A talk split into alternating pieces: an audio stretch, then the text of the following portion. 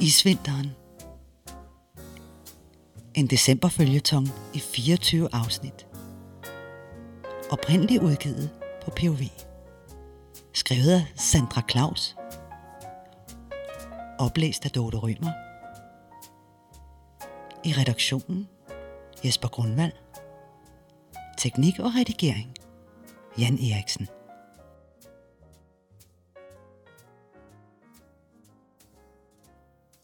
Isvinteren. Del 9. Herværk og kunstværk. Ledelsen af Rose Dog er vel næppe paranoid. Bestyrelsesformand Biver Bensen ville snarere kalde det at være proaktiv. I skulle fandme hellere lave fabrikken om til en kyllingefarm.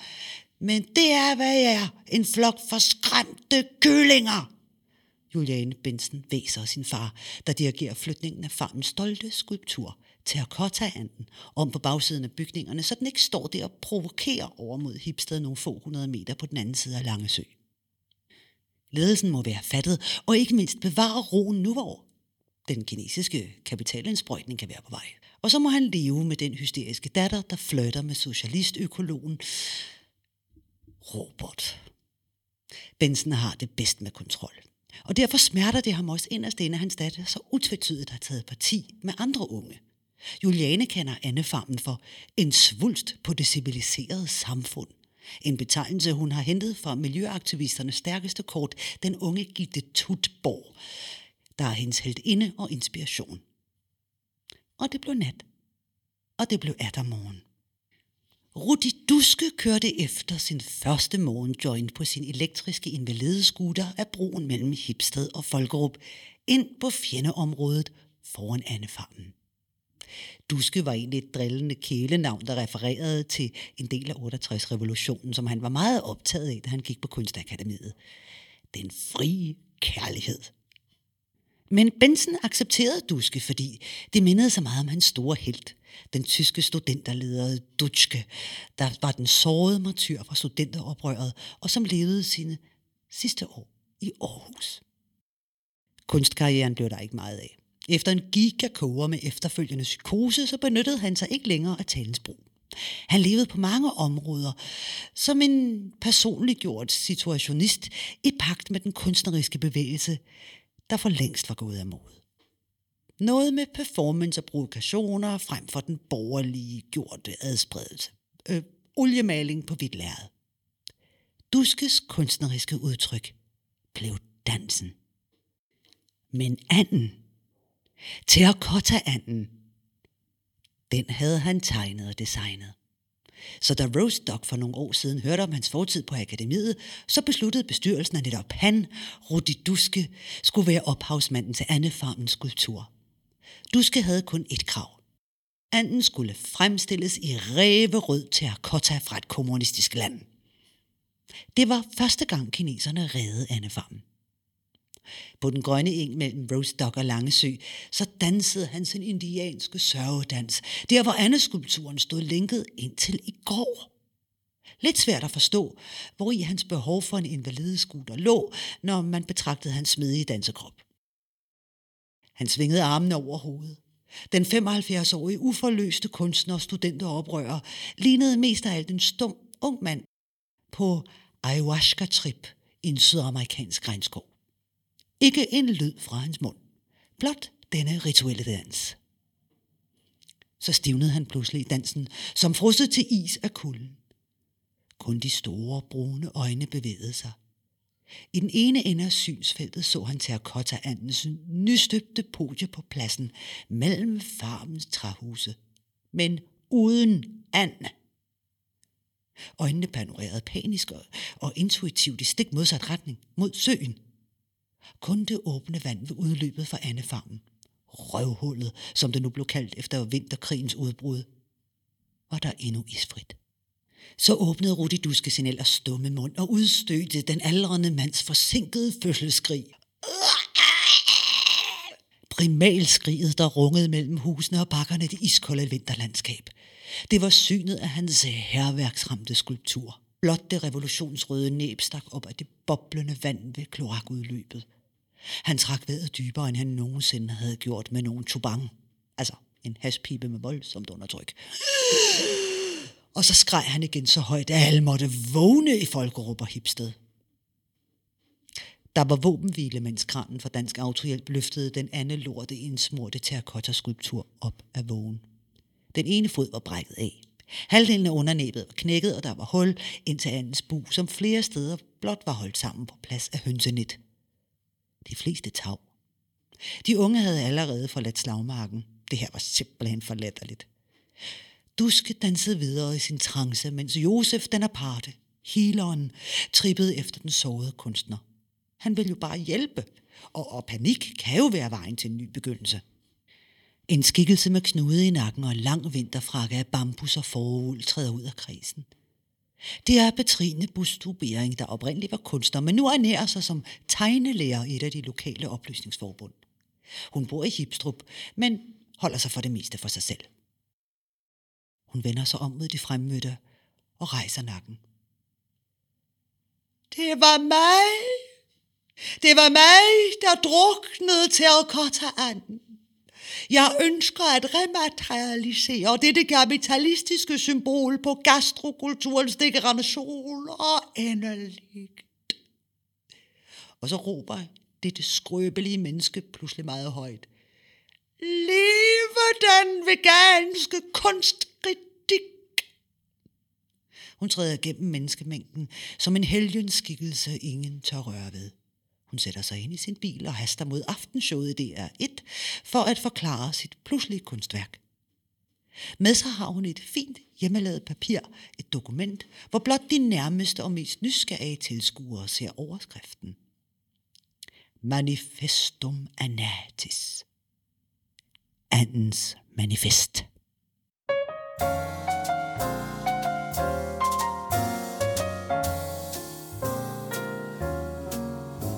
Isvinteren, afsnit 10. Der er live om fem. Også Bimle Boblestottier. Den lokale mega-influencer kunne se, at Anne-sagen er et must i det, man taler om. Hun slog et foto op på Instagram og valgte et filter med ulveører. Jeg går live om fem, skrev hun hen over fotoet. Kommentarerne kom med det samme. Ej, hvor nice. Hvor du købt din bluse? Link, please. Bimle smilede.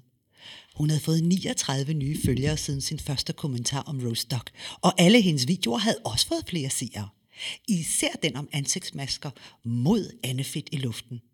Nu manglede hun bare 280.000 likes for at få et sølvvalideringsmærke som influencer i international politics. Hun begyndte liven, og der var mange spørgsmål. Øh, fra Luna, skråstreg endnu. Nice, ses vi til demo? Er det hundeører på filteret? Ej, vil du ikke at mig, please? Bimle purrede op i sit hår og tog sin tale frem. I overvis har Rostock ødelagt Langesø, ikke? Men hvad I ikke ved er, det er, at fjerne og andet fældet, det giver dårlig hud. Ikke? Mindst fem piger i 9. klasse har flået flere bumser nu. Ikke? Er det planlagt? Har Rostock opkøbt materialisten og vil sælge ansigtsmasker? Mm. Jeg ved det ikke, men jeg siger bare, det korrupt. Brusen har tilbud på grødris, ikke? Og de ris der er jo fra Kina, ikke? Er det tilfældigt? Mm, tænk lige over det. Hipstad, vågn op. Hvis du vender folkebladet op på højkant, så ligner det faktisk kinesiske tegn. Nå, men nu vil jeg altså ligesom research videre, og så kan I se min live i morgen, og der får du 25% rabat på mine ansigtsmasker, og hvis du liker og deler og sender den her live til 25 af dine venner, ikke, så får du procenter. Vi ses! I firtoget på vej mod Folkerup sad Skidde Warcastle roligt på stolen. Han ser videoen. 39 følgere, det er immervæk mere end hans egen kanal. Skidde Warcastles kendthedsfaktor var dalet betydeligt den senere tid, efter han var blevet smidt ud af et barselsvikariat på den regionale tv-station. Her tog han sig af vejrudsigterne. Men begejstringen for ham, den holdt ikke helt til en fastansættelse.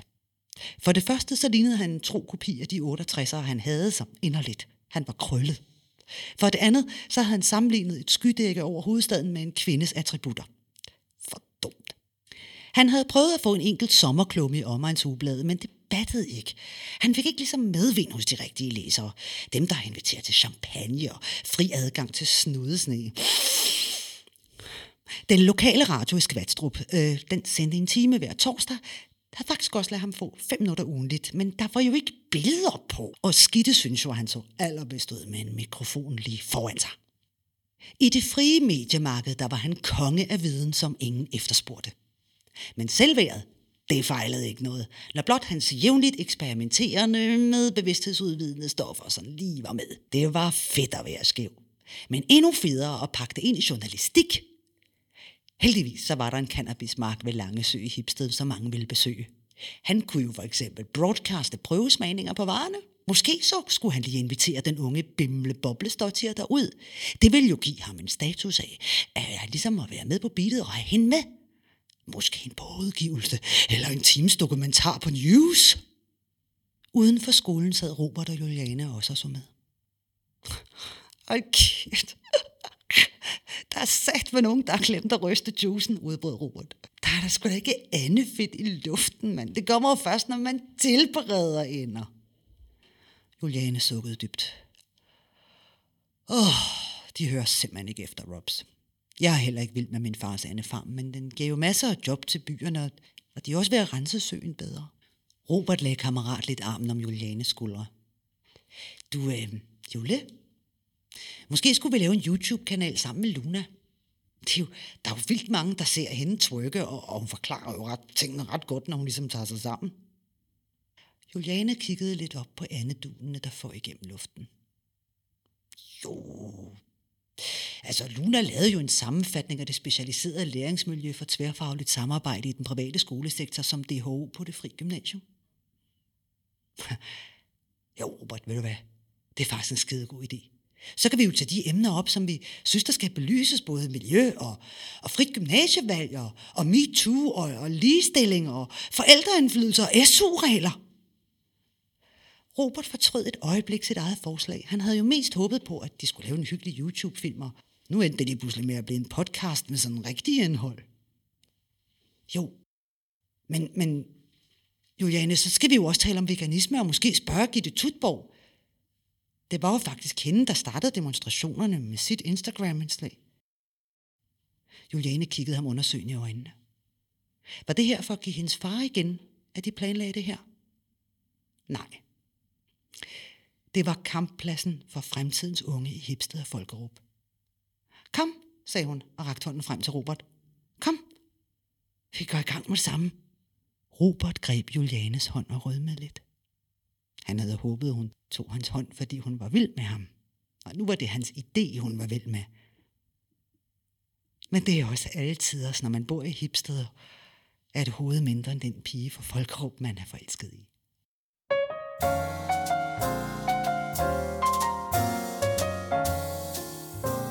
Isvinteren, afsnit 11. Spis nu kød til. Vær nu bare den, du er, sagde den ene rådgiver. Men glem nu ikke det der med fællesskabet, sagde den anden. Og, og børnene, husk børnene, sagde hendes personlige assistent. Mette Fredshjul kiggede op fra papirerne med sine let vemodige øjne. Øjnene var noget af det eneste, hun ikke havde haft i kommunikationsgryden, siden hun tiltrådte som øverste chef for dansk kødeksport. Der var ikke noget at gøre ved det.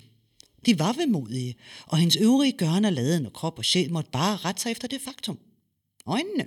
Hun trak vejret dybt og kiggede på forsamlingen af journalister. Hun havde prøvet det uendelig mange gange før. Det var en del af spillet. I 9 ud af 10 tilfælde så forekom der ikke noget på pressemøderne, fordi oplysningerne, hun gerne ville have med, for længst var ligget af embedsmænd, som havde givet deres egen dagsorden til sine egne venner i pressen. Mette Fredsjul trak vejret endnu dybere. Dybt ned i mellemgulvet, som en operasanger inden den store arie. TV-folkenes hvide lys blev tændt, sigtede på hende og ramte. Forestillingen kunne begynde. En gentagelsens komedie, hvor de kendteste mediefolk kæmpede lige så meget om rampelyset som hende. Jeg har indkaldt til dette pressemøde, fordi vi står i et alvorligt problem, der kan koste tusindvis af arbejdspladser.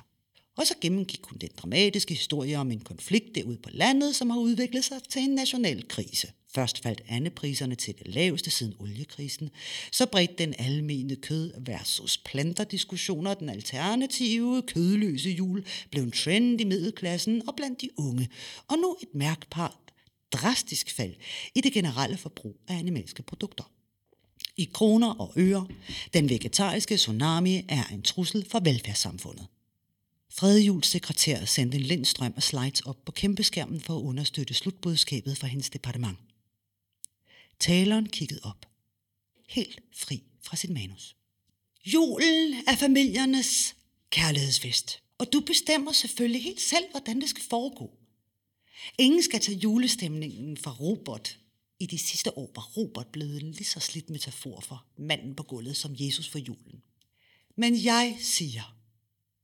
Og så kom det slogan, som rådgiverne havde arbejdet på i døgndrift. Noget, der skulle op, nå helt op på niveau med verdens bedste finanslov eller øh, den nødvendige politik. Det er klichéer, der aldrig blev taget helt alvorligt af befolkningen, men i spindokterkredse var den slags klistermærker i et skolebarns stilehæfte. Det er sundt med alt det grønne, men spis nu kød til. Hun kiggede ind i kameraerne ud over forsamlingen. Rådgiverne i mørket holdt vejret for at iagtage reaktionen. Og som så ofte før, der skete intet, som havde med hendes tale at gøre. Journalisterne havde læst budskabet. De hørte ikke talen, for nu kom det vigtigste. Deres kamp for at komme i æderen, og helst blandt de første. Henry Kvartrup var den skarpeste kniv i skuffen. Til trods for en mediekarriere, der omfattede alt fra at være propagandachef for en koboldblå statsminister over fornemme redaktørjobs til det vellønnede chefjob for snakker hår. Det sidste havde skaffet ham fodlænke og hjemmefængsel, fordi han købte sig til ulovlige informationer om de kendtes rejser og kærlighedsliv. Dette til trods svømmede han stadigvæk ovenpå. Inkarnationen af journalistisk stedighed og frisat fra kvababelser. For det er ikke det, det handler om i den journalistiske kampsport. Intet kvindagtigt samvittighedsnag eller nogen som helst form for tale om værdier. Derimod den maniske jagt på hullerne i osten. Snyderiet hyggeleriet. En sublimeret vrede på vegne af sig selv. Henrik Kvartrup er en moden mand. Men når lamperne tændes, lyser hans ansigt som drengens på æblerå. Må man have lov til at spørge, hvad spiser fru eksportdirektøren selv juleaften? Han havde arbejdet på den historie i uger. Han havde fundet den dræbervinkel på dagens pressemøde, som kunne fastholde og udbygge hans status som dansk journalists evige flyder. Han havde det i baghånden. Håndgranaten var armeret og kunne kastes, så snart hun havde svaret. Han vidste fra særdeles nærliggende kilder, at fredshjul var vegetar. Direktøren for Dansk Kødeksport spiser ikke kød. Det har jeg ingen kommentarer til. Vemodet i Mette Fredsjuls øjne skiftede på et splitsekund til kulde. En isvinters kulde. Kvartrup vejrede blod og raslede med kæden til granitstenen. Kæde om anklen og en sten som en straffefange. Han havde tabt et vedemål i et af de underholdningsprogrammer, hvor den mest biske journalist også var begyndt at vise sig. En uge med lænke om benet, hvis krigen mellem Hipsted og Folkerup blev en krise i hele landet. Han tabte. Andre journalister ville tabe status med den cocktail af plathed og politisk journalistik. Men ikke Henrik Kvartrup. Den fuldstændige frihed til at gøre, hvad fanden det passer ham, er blevet hans varemærke og fetish. Jamen, skal der kød på bordet i direktørhjemmet? Det synes jeg jo faktisk, at den danske befolkning har krav på at vide. Fredshjul vælger at overse ham. Hun peger på en anden journalist i flokken, som hun jævnligt bruger i iscenesættelsen af de her pressemøder. Han gør hende tryg. Han stiller nemlig stort set det samme spørgsmål på alle pressemøder, uanset emnet. Når du øh, selv stikker gaflen i andelåget, øh, hvad tænker du? Hvad, hvad føler du? Meningsløsheden er direktørens redningskrans. Og Mette Fredshjul svarer, jeg tænker, jeg føler, jeg føler mig først og fremmest sulten.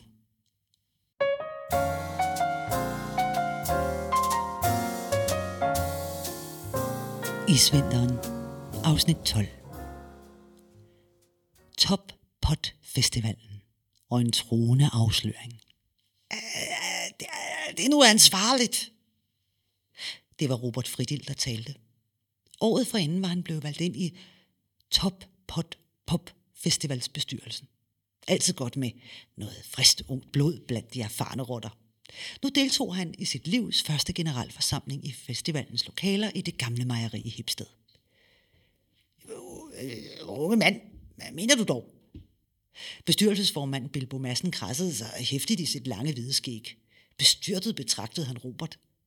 Jeg, jeg, jeg, jeg mener, er det, er det ansvarligt at begynde at sælge billetter allerede nu til festivalen næste sommer?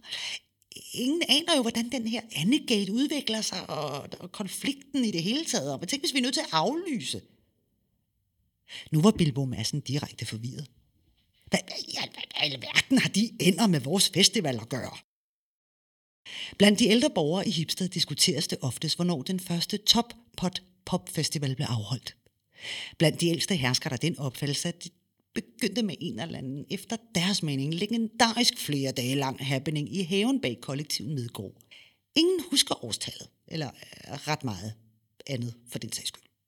Andre mener, at den første Top Pot Pop Festival blev afholdt i 1971, hvor der beviseligt var opstillet en scene på græsmarken bag det gamle mejeri, der dengang fungerede som kombineret keramikværksted, udsalg af chilensk folklore og kosmisk healing center.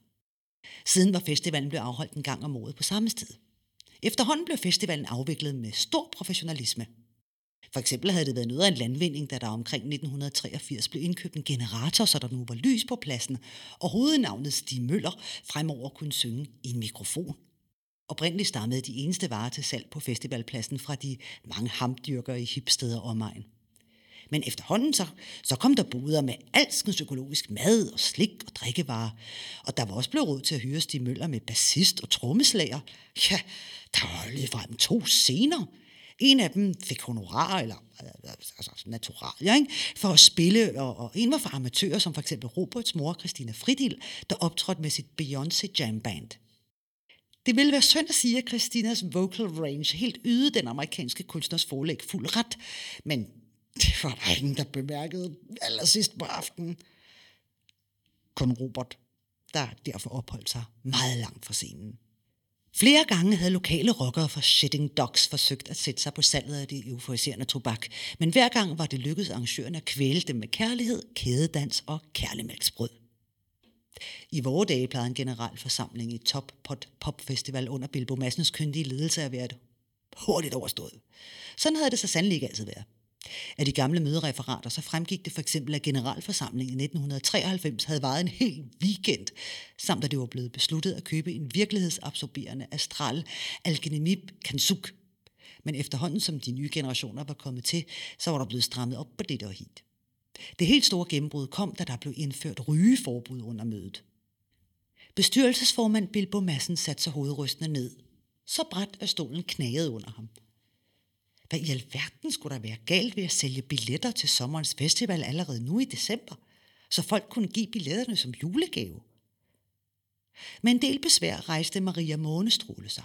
Hun var Bilbus, øh, ja, hverken ordene kone, kæreste eller partner var sådan rigtig dækkende her. Selv der foretrak de det nepalesiske udtryk for livsven, Giovanna Sati. Maria rejste sig til tonerne af en bimlende, bamlende kakofoni, fremkaldte utallige træsmykker i øreringe, hals og armkæder. Hvor våger du at sætte spørgsmålstegn ved det, vi gør her? Sådan en fløs. Vi har været her i 50, ja, var, måske 53 år. Må jeg udbede mig en forklaring? Først var Robert helt rødvild. Skulle han? Kunne han? Ville han? Men så så han over på Juliane Benson, som han havde inviteret med til generalforsamlingen. Hun gengældte hans blik med et bestemt fast smil. Juliane nikkede lidt. Hør nu her, venner, sagde Robert med en styrke, han ikke selv havde troet befandt sig i den kleine teenagekrop. Spillede beundringen, der muligvis lyste ud af Julianes øjne, monstro en rolle? Alle her i Hipsted og Folkerup og omegn, de kender hemmeligheden bag de kongeskiver, du og Bilbo sælger til daglig her i det gamle mejeri og på Top Pop, Pop Festivalen. Robert holdt en kunstpause. Vi ved alle sammen, at I blander jeres pot med tørret andelort, ikke? I køber det i spandevis hos Janes far op på Rostock. Selvfølgelig ved de også det på Folkebladet. Men hvad hvis nogle af de store medier får fat i sandheden? At arrangørerne af hipsters stolthed, ikke? Top Pot Pop handler hos lortefirmaet Rostock. Så er det slut med jeres business, ikke? Og det er slut med top, pot, pop. Derfor synes jeg, vi skal vente til sagen måske er gået i sig selv. Nu sad Bilbo Madsen ikke længere ved bordet. Han lå på gulvet. Besvimet. Til lyden af endnu mere klang for træsmykkerne, så pegede Maria Måne stråle på Robert. Hvad ved du, din, din Nixon og Pinochet? Den konklusion er det jo ikke op til mig at drage. Lige det øjeblik synes Juliana, at hendes gode ven lignede en kommende statsminister.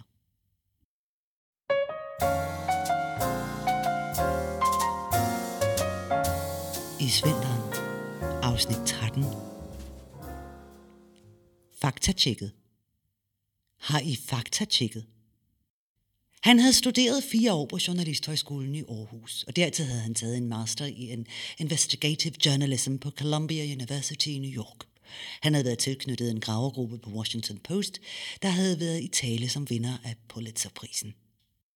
Nu sad han hjemme igen i København på redaktionen og overvejede, hvordan han skulle vinkle sin historie om den bedagede reality-tv-deltager, der havde tabt det meste af sin botox-fyldte underlæbe under spisning af en muffin fra bageren i Lyksstør. Hmm. Chok. Megastjernes ansigt vandsiret. Se billederne. Pludselig lød der et råb i baggrunden. Det var selveste chefredaktøren. Jeg har fået en fantastisk tip for en kilde. I morgen arrangerer en gruppe unge veggie-radikale fra Hipsted anti-Anne-demonstration på en bro over søen mellem Hipsted og Folkerup. Det bliver vildt. Der bliver kaos på broen. Oprør på broen. Slagsmål. For fanden det her, mand. Det kan noget. Øh, få en til at ringe til hende der. Øh, Gitte, Gitte, Gitte Tutborg eller Juliane Bensen. Øh, hvem som helst. Øh, slagsmål. Men dem. Det er jo din opgave at ordne det, sidste så i din personale, Mark. Ikke? Der var du redaktør. Sørg nu for, at de unge, røde, dyre velfærds- og miljøaktivister fremstår som det, de er. Anarkister eller anarkister. Ikke? En trussel mod julen, en trussel mod folket. Jeg ser rubrikken. De vil stjæle din jul kæft, det bliver godt, mand.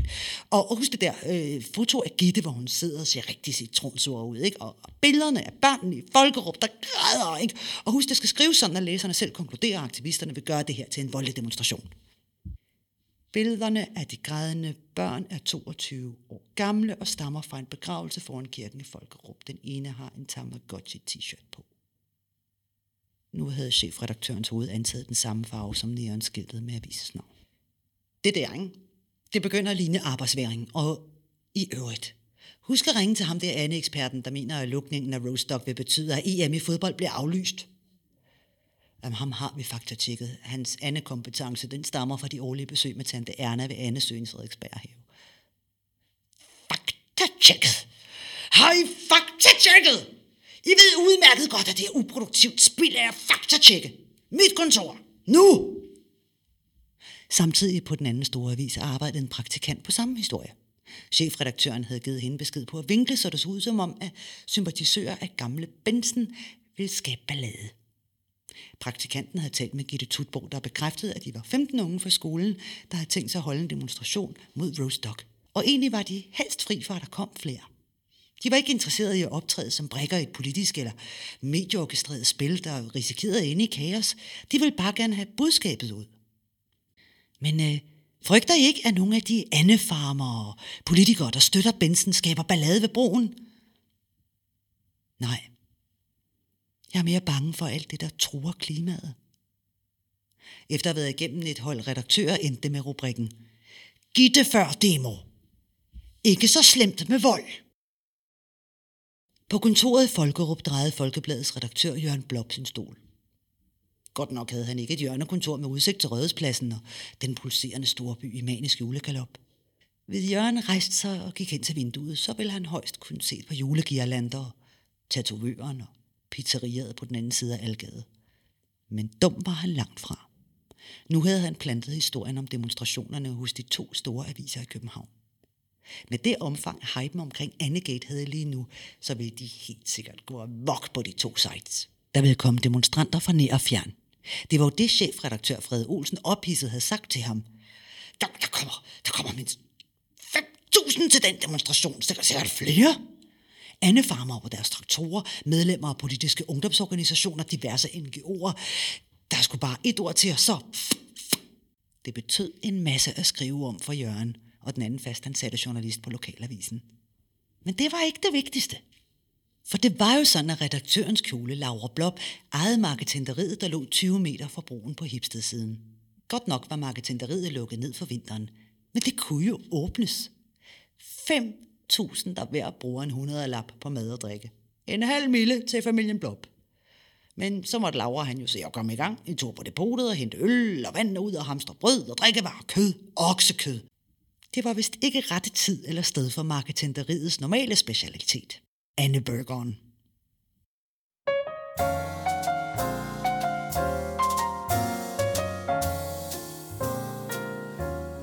svinteren, afsnit 14. Circus Politicus kommer til byen. 18 graders frost. Sne som puder over landskabet. Ingen vind. Stilheden. Selv en lille fjert under dynen kunne vække naboerne sådan en froststille mandag morgen. Men så brød helvede løs, endnu inden kirkeklokkerne havde vækket begge byer. Stor, stor nummer, råbte cirkusdirektøren fra sin højtalervogn, da den kørte ind i folkeråb. Cirkus Bardutski var på evig jagt efter nye overlevelsesmuligheder for sit cirkus. Han havde netop overstået sin syvende bankerot. Det var blevet en del af forretningskonceptet at gå konkurs hvert år inden regnskabets afslutning. Direktøren var først og fremmest en overlever, og han læste også aviser og så nyhedsudsendelser. Da Annekrigen pludselig blev landskendt, så fik han den idé at forene sit eget cirkus med den måske mest kendte cirkusgenre. Politik. Mine damer og herrer, herskaber, ægteskaber, borgere, adel, veganer, kødsluger, socialistøkologer, amatørkapitalister og barfedsteologer. Få dem en oplevelse af de helt særlige Circus Politicus. Her kan de møde tidens to største politiske illusionister, Irene Lamtue og Markus Stuka, der ikke stikker op for bollemælk eller har den mindste angst for jer vælgere. Det kredsende publikum, som står vores hjerter om en slunkende kassekredit så nær. Efter højtalervognen og direktør Bardutski fulgte de gamle slidte lastvogne med telt og udstyr til eftermiddagens forestilling.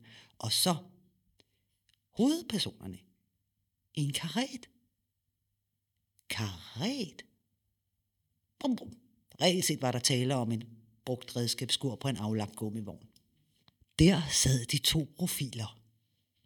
Irene Lamtue fra Bundepartiet og Markus Stuka fra Provinspartiet. De to vinkede til det udeblevende folk, som endnu ikke var stået op. Pinligt? Hm. Det spørgsmål optog ingen af de to hovedpersoner, for det her handlede om deres politiske overlevelse og hele deres livsindhold. Hun var liberal på papiret. Han var formelt set socialt orienteret mod de uprivilegerede klasser. Men alt det der ideologiske pis, det var de personligt kommet fri af. Det havde de til fælles deres politiske overlevelseskamp. Og så lige den kendskærning, at de begge havde retssager kørende, som kunne kvæle deres politiske fremtid. Han havde brugt penge, der ikke var hans, og hun havde som minister truffet beslutninger, hun ikke havde ret til. Men det var justitsmor og flueknæpperi midt de begge. Ofre for deres politiske modstandere. Irene Lamtus sorte øjne gnistrede, da hun indtog talerstolen. Ordene væltede ud af hende, og det var tydeligt, at hun ramte lige i hjertet på selv de vredeste folkeropborgere. Budskabet kendte de alle i forvejen. Vreden mod miljøsocialismen. Især tre citater stod klart. Det var vigtigere end indholdet selv, og hun havde tidligere haft succes med citater af andre store politiske idealister end hende selv. Bare lige lidt lånt dem, fordi ordene lå som bolcher i munden. Lad os dog lukke munden på de nyttige idioter, en enkelt død er en tragedie. En million døde er statistik. Jeg er ret beskeden. Jeg ønsker ikke at fortælle folk, at jeg er leder. Klapsalverne var som rygklap for hendes kernevælgere. Man anede en glæde bag de mørke øjne. Journalisterne filmede og noterede, men hendes hektiske assistent virkede synlig nervøs, da hun steg ned for putet. Hun lagde armen om Lamtus skulder og trak hende til side. Jeg tror sgu, vi får ballade for det her, Irene. Har du selv fundet på de der citater? Nej, svarede hun. Det var da ham der, den søde lysblonde studentermedhjælper. Det blødgjorde ikke hendes spindoktor, der havde læst statskundskab og politisk historie. Han skal fyre studenten. Det første citat var fra Lenin. Det andet var fra Stalin. Og det sidste fra massemorderen i Kambodja, Pol Pot. Vi, vi har sgu et forklaringsproblem her, Irene. Markus Duka valgte en anden strategi. Han talte ud fra sine to vigtigste politikområder, vor herre og folkeskolen. Og bolden lå lige til den højre fod, han altid brugte i politik. Fædrene og møderne stod der i første række. Og børn var der også. Stuka slog ned på forsamlingen som en styrtbomber i en blitzkrig. I skal ikke finde jer i det. Dette socialistiske angreb på ejendomsretten, Rose Dock, det er guld for jer og for Danmark. Og kultureliten deroppe i Hipsted, der lever fint på deres faste jobs inde i byen, skal ved Gud i himlen ikke regere over vores stolte folk og deres frie initiativer. Stol på Gud og gør, som far og mor har sagt. Spis kød, svin, kør, ender. Det skal bare være kød, og ikke på denne venstreorienterede løgn om grøntsagernes lyksaligheder. Men de ti budstukker, hvad med dem? Den unge pige med den klare stemme kunne høres alle. Det var Gitte Tutborg, den snart verdenskendte klimaaktivist fra Hipsted, der vågede sig ind i hjertet af Folkerup. Markus Stuka genkendte hende straks fra verdens tv-skærme. Du skal passe dit skole. Du skal lytte til de voksne og lade være med at blande dig, før du er blevet voksen. Og hvis det er din mor og far, der propper dig med alt det sludret, så sig fra. Flyt hjem fra. Bliv tvangsfjernet. Men det fjerde budstukker, kender du det? Gitte Tutborg insisterede. Jeg husker ikke lige rækkefølgen. Men må dine socialistforældre overhovedet kender Bibelen? Jeg har selv læst Bibelen Astuka. Meget interessant. Også det fjerde bud i Moseloven. Der blev musestille i cirkusteltet, mens alle ventede på den unge kvindes forklarende forløsning. Det fjerde bud, Stuka, det lyder sådan. Du skal ære din far og mor. Gælder Moseloven også for klimaaktivister?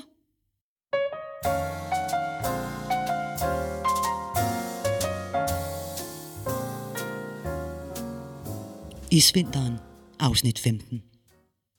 Kors i Svedehytten. Den tidligere overkommunalchef Kim Hansen sidder med blanke øjne og kigger på Jobnet. Han har indtastet alt, som jobkonsulenten Brita havde krævet i sit velkomstbrev, og nu skulle resultatet komme. Han trykker på enter. Computeren brummer lidt og siger, Bing! Den kommer med 10 jobmatch. Den tidligere topchef i kommunen må nu smage sin egen medicin. Kim Hansen læser med afsky. Ernæringsassistent i vuggestuen Badehætten. Ortopædkirurg i Region Midtjylland. Etisk servicetekniker på Sønderjysk Stempelfabrik. Han magter ikke at læse resten. Her er han. En pæn mand på 59 år, og så er der intet til ham. Hun havde vrænget af ham. Har du en reference? Hold kæft, nu har han været hendes chef i 20 år. Skide sur Brita. Sladderranken Brita. Han slog irriteret i bordet. Hendes ører smagte jo et slet ikke godt. Og når han tænkte på alle de ører, han havde slikket på igennem tiderne. Ved siden af computeren ligger en lille folder fra en lokal terapeut. Hans elskede kone havde lagt den ordløst til ham. Panikalterapi for nyledige. Og i dag kl. 16.30 er der introduktion. Hvorfor ikke, tænker han. Værre er det altså heller ikke.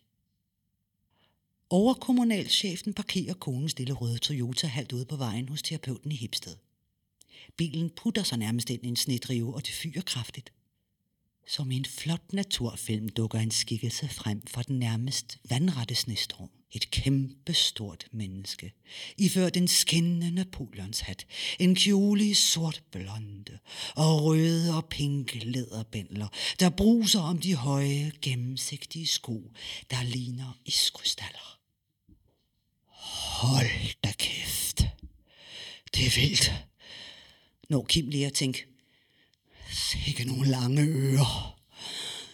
Før skikkelsen vakler, Iskrystallerne knækker under vægten, den sølvskinnende hat vælter ud til siden som et stolt skib, der går under, og personen falder ind over og ender i favnen på Kim. Øh, er du klar til at befri hele dit indre totemdyr?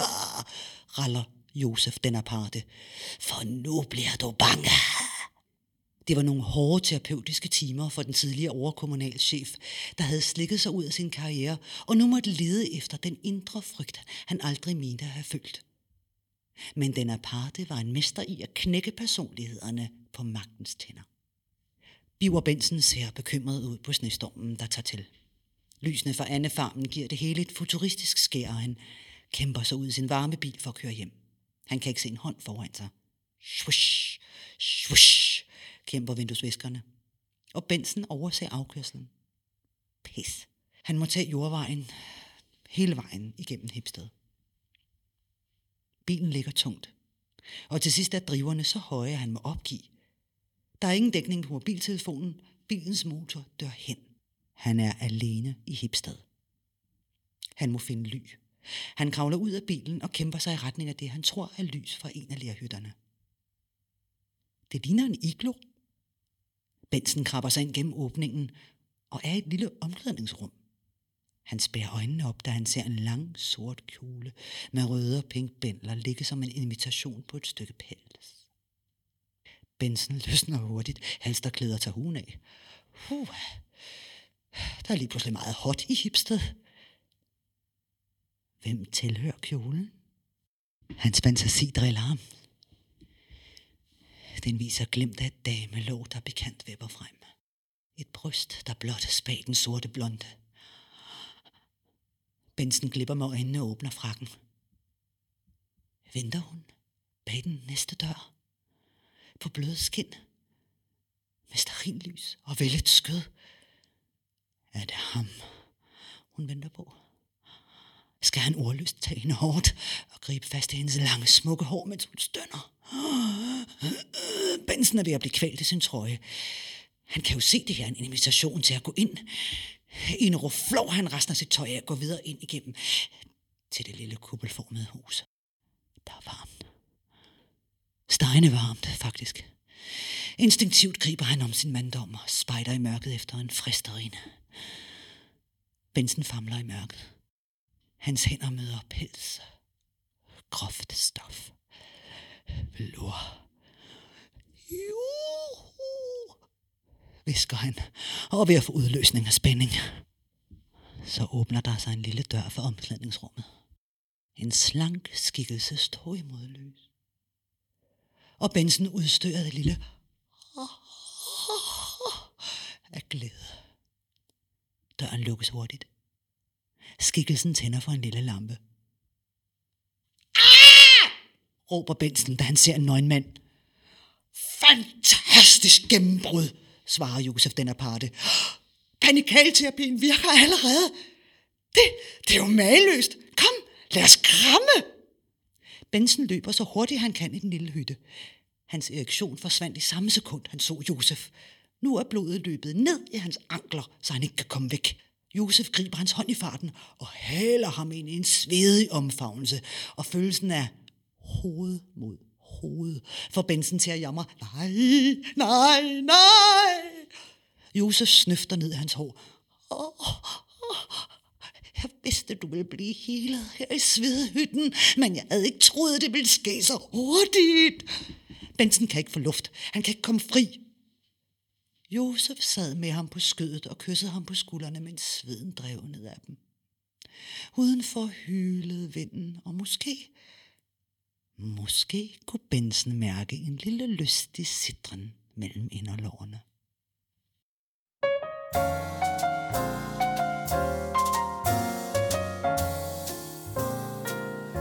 I svinteren, afsnit 16.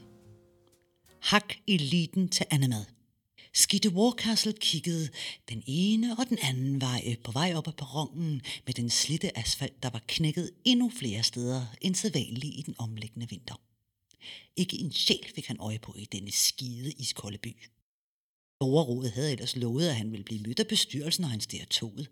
De havde fulgt ham i medierne, hvor han var mere kendt for sine egne excesser end for sin journalistik – men et af medlemmerne havde hørt noget om, at Warcastle nu ernærede sig som konsulent efter fyringen for den regionale tv-station, hvor han var værmand.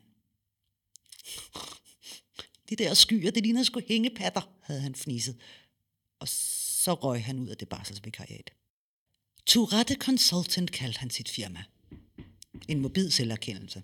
Hans vemmelse mod underdanighed havde udviklet sig til en evig drift mod at sige noget og gøre noget forkert. Tourette Consultant kaldte han sit firma. En mobil selverkendelse. Hans vemmelse mod underdanighed havde udviklet sig til en evig drift mod at sige og gøre det forkert i en sådan grad, at hans nederlag og fyringer som oftest kom som en lettelse både fra hans arbejdsgiver og ham selv. Martyren lunede sig med varmen fra bålet. Frelseren fandt hvile på korset. Øh, hallo? Er du skidte? Råbte manden, der kom løbende fra den fjerneste ende af perronen. De havde lånt et af lokalerne i swingerklubben Sweet Duckling. Det nedslidte forsamlingshus ville koste en formue at varme op. Først da de var kommet indenfor, fornemmede Skidte Warcastle, at mødet med borgerrådet var forlagt til et glædeshus. Det var tuberne med glidecreme, den natsorte bar og de penus- og vulvaformede glas. Og så, selvfølgelig, den pinkfarvede neonskilt over døren til herskerinden Madame Noir. Formanden så forbavselsen i konsulentens ansigt, men Warcastle kom om i forkøbet. Rolig nu. Jeg er ikke til smæk. Skal der slås igennem, så er der noget, jeg selv tager mig af. Det her emmede af Per dansk delesex, og han var færdig med danske kvinder. Han havde selv taget konsekvensen og fundet sin nye kone, den fjerde, på Filippinerne. En kort stund blev han Danmarks berømt på årets mest mandsjovinistiske bemærkning i en klumme i en af tabloidaviserne, hvor han rodfæstede sin strategi som medieperson. Det handler ikke om sagen. Det handler om mig. Hvornår har du set en dansk kvinde sidst vaske sin mands beskidte undertøj i hånden, uden at føle sig undertrykt? Med alt andet end venlig hilsen til sine tre fraskilte koner. Så slappede de af igen. Bestyrelsesmedlemmerne og konsulenten. En sidste gang. For mødet blev en katastrofe. Folkerup-repræsentanterne ville vide, hvordan de kunne få folket og journalisterne på deres side. Konsulent Warcastle, han så et billede fra den franske revolution foran sig. Han gik selv i spidsen for folketoget imod forræderne i Hipsted. Og så vil alene skæbnen afgøre, hvad der vil ske. Den risiko ville de forsigtige i borgerrådet ikke tage. Jamen, så var der faklerne, der skulle bores ned i isen en sen nattetime og danne det glødende opråb til Hipsted i blafrende orange-gul tekst. Hak eliten til andemad! Eliten var Skittes hovedfjende i alle sammenhænge. Kultureliten, medieeliten, for slet ikke at tale om den feministiske elite.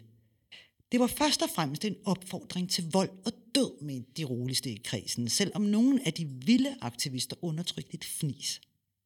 Og for det andet, og her trådte Klude Kaj Adder ind på banen som en af byens ældste og mest snusfornuftige. Det er sgu da for dumt. Juleand og spiser ikke menneskekød. Efter blot et par timer måtte konsulent Warcastle erkende, at selvom eliten dog er det værste, så vil han hellere leve af at være elitens bødel, end at være folkets forsvarer. Folket var simpelthen for dumt, og Folkerup er en umulig kunde. De her svagpisser passede ikke ind i hans forretningsmodel, hvor han selv var centrum. Ham, der afslørede en filmkonsulent ved at tage en bane coke med manden selv. Ham, der brugte en arbejdsgivers vogn som sit brune bud, når han trængte til en ordentlig koger på udearbejdet. Ham, der tog til Asien for at finde sig en kvinde, fordi ingen danske gad at vaske hans underbukser. Skidte tog en smøg og skuttede sig lidt på perronen, mens han undersøgte, hvornår næste tog kunne bringe ham hjem af. Først om tre timer. Fandens også. Så kiggede han ud over Langesø med morænebakken på den anden side, hvor hipsted lunede sig i vinterkulden. Det lignede et gammelt kinesisk skyggeteater. En mand rejser sig fra en stol en kørestol. Og så begynder han at danse, mens der stiger en vindstille røg op fra ham. Det trækker konsulenten. Det er mærkeligt. Tilstrækkeligt underligt. En kort spacertur gennem Folkerup over broen på søens smalleste sted, og så til højre ned mod søkanten, hvor de nøgne mennesker bader om sommer. Men lige nu, der er det bare Skidte Warcastle og den evigt skæve, stumme rodiduske, der danser sine budskaber ud i det forsvindende eftermiddagslys. Man ser en and og en kriger, der befrier det uskyldige kræg. Skidt er ligeglad og skæv. For første gang i livet har han lagt mund og lunger til en ishugga, en vinterchillum, en nedfrossen haspibe. Han kigger saligt efter tænksomt frem for sig og mumler en af sine euforiserende erkendelser. Det er der, jeg hører hjemme. i proletareliten.